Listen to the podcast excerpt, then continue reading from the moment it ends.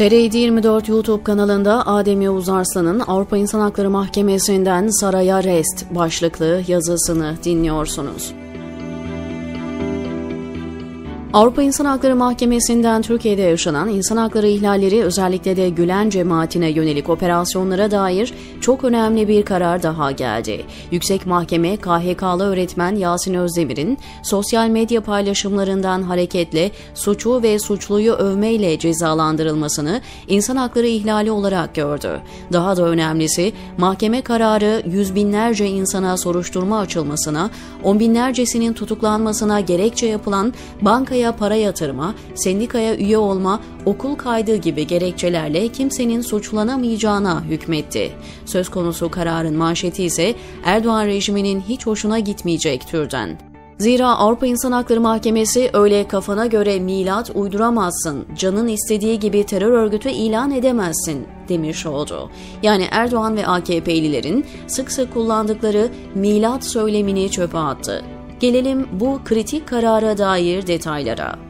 Öğretmen Yasin Özdemir, çakma 15 Temmuz darbe girişimi sonrasında Isparta'da gözaltına alınıp 24 Ağustos'ta tutuklandı. Hakim, Özdemir'in 17 Aralık yolsuzluk operasyonu referanslı sosyal medya paylaşımlarının terör örgütü lehine propaganda yapmak suçlamasıyla tutuklanmasına karar verdi. 30 Kasım 2016'ya gelindiğinde ise mahkeme Özdemir'i 7 ay 15 gün hapis cezasına çarptırdı. Özdemir, AYM süreçlerini bitirip Avrupa İnsan Hakları Mahkemesi'ne başvurdu başvurdu. Özdemir'in Avrupa İnsan Hakları Mahkemesi başvurusu pazartesi günü itibarıyla karara bağlandı. Mahkeme öğretmen Özdemir'in paylaşımlarının düşünce özgürlüğü kapsamında sayılması gerektiğini, o tarihlerde Gülen cemaatinin terör örgütü sayılmadığını hatırlattı. Özdemir'in kararına AKP'nin temsilcisi gibi davranan Saadet Yüksel'in de bulunduğu daire oy birliğiyle karar verdi. Aslında dava süreci başlı başına trajikomik. Çünkü öğretmen Özdemir terör örgütü üyeliğinden tutuklanıyor ama dava terör örgütü propagandasından açılıyor. Hükümse suçu ve suçluyu övmeden veriliyor. Peki şimdi ne olacak? Her şeyden önce hükümetin kafasına göre uydurduğu 17-25 Aralık milattır ya da MGK'nın cemaatle ilgili kararı referans alınmalıdır. Söylemi çöp oldu. Bir başka ifadeyle mahkeme yasa dışı bir örgütün var olup olmadığına Cumhurbaşkanı, MİT ya da başka idari birimler karar veremez diyor. Bu noktada şunun altına çizmekte fayda var. Özdemir kararı benzer binlerce dava içinde emsal teşkil edecek. Yani 15 Temmuz öncesi şiddet içermeyen ve temel hak ve hürriyetlerin kullanımı niteliğinde olan faaliyetlerle ilgili benzer ihlal kararları gelecek demektir. Kritik detaylardan birisi şu, 15 Temmuz sonrasında yüz binlerce kişi için açılan soruşturmalar ve yargılamalara konu olan olayların tamamı sözde darbe girişimi öncesine ait. Avrupa İnsan Hakları Mahkemesi diyor ki, o tarihlerde cemaatle ilgili kesinleşmiş bir mahkeme kararı yoktu. Dolayısıyla bankaya para yatırdığı, gazeteye abone olduğu ya da sendika üyeliği gibi gerekçelerle kimseye terör örgütü üyeliği, yöneticiliği ya da yardım suçlamasıyla ceza veremezsiniz. Dolayısıyla benzer durumda olan yüz binlerce kişinin dosyası da aynı şekilde dönecektir. Kararın önemli ayrıntılarından bir diğeri ise şu, mahkeme diyor ki şiddet çağrısı içermeyen faaliyetleri cezalandıramazsınız. Zaten şiddet çağrısı içermeyen faaliyetlerin cezalandırılması saçma diyen olabilir. Fakat Erdoğan rejiminin mahkemeleri bankaya para yatırma, gazete aboneliği, çocuğu okula yollama ya da sendikaya üye olma gibi kriterleri peşinen örgüt üyeliği edildiği için yeterli görüyor. Kısacası Avrupa İnsan Hakları Mahkemesi'nin bu kararıyla yüz binlerce dava da boşa düşmüş oldu. Yasin Özdemir kararında yer alan bir başka bölümde sarayın huzurunu kaçıracak türden.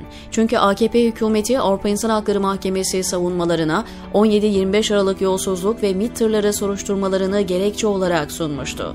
Fakat mahkeme bu savunmayı da çöpe attı ve terör örgütü kararı ancak mahkeme kararıyla olur dedi. Mealen ille bir milat arıyorsanız 26 Eylül 2017 tarihli mahkeme kararına başlangıç sayabilirsiniz diyor. Aslına bakarsanız Avrupa İnsan Hakları Mahkemesi'nden gelen karar sürpriz değil. Asgari hukuk bilgisi olan birisi de benzeri yönde karar verirdi. Fakat Türkiye'de hukuk Perinçey'in tabiriyle siyasetin köpeği haline getirildiği için en temel konularda bile hukuk işletilmiyor. Avrupa İnsan Hakları Mahkemesi kararının geldiği günün sabahında bile Türkiye'nin muhtelif yerlerinde cemaate yönelik operasyonlar vardı. Gözaltı gerekçeleri yine suç oluşturmayacak şeyler. Dahası 15 Temmuz 2016'da henüz 13-14 yaşında olan çocuklar 18 yaşına ulaşınca gözaltına alınıp tutuklanıyor. Dolayısıyla şu an sürmekte olan soruşturmaları, yargılamaları hukuki görmemek gerekiyor. Avrupa İnsan Hakları Mahkemesi'nin son kararında dediği gibi şu anki terör yargılamalarının hiçbiri hukuki zeminde yürümüyor. Anayasa Mahkemesi de etkin bir iç hukuk yolu değil. Karşımızda bir soykırım var ve bu gerçeğe göre hareket etmek şart. Rejim hukuku hiçe sayıp soykırıma devam ediyor. Mahkemeler siyasetin emrinde. Anayasa Mahkemesi bile sembolik. Bu noktada yapılması gereken şey net. Hukuki süreçleri her şeye rağmen işletmek ve ısrarla takip etmek.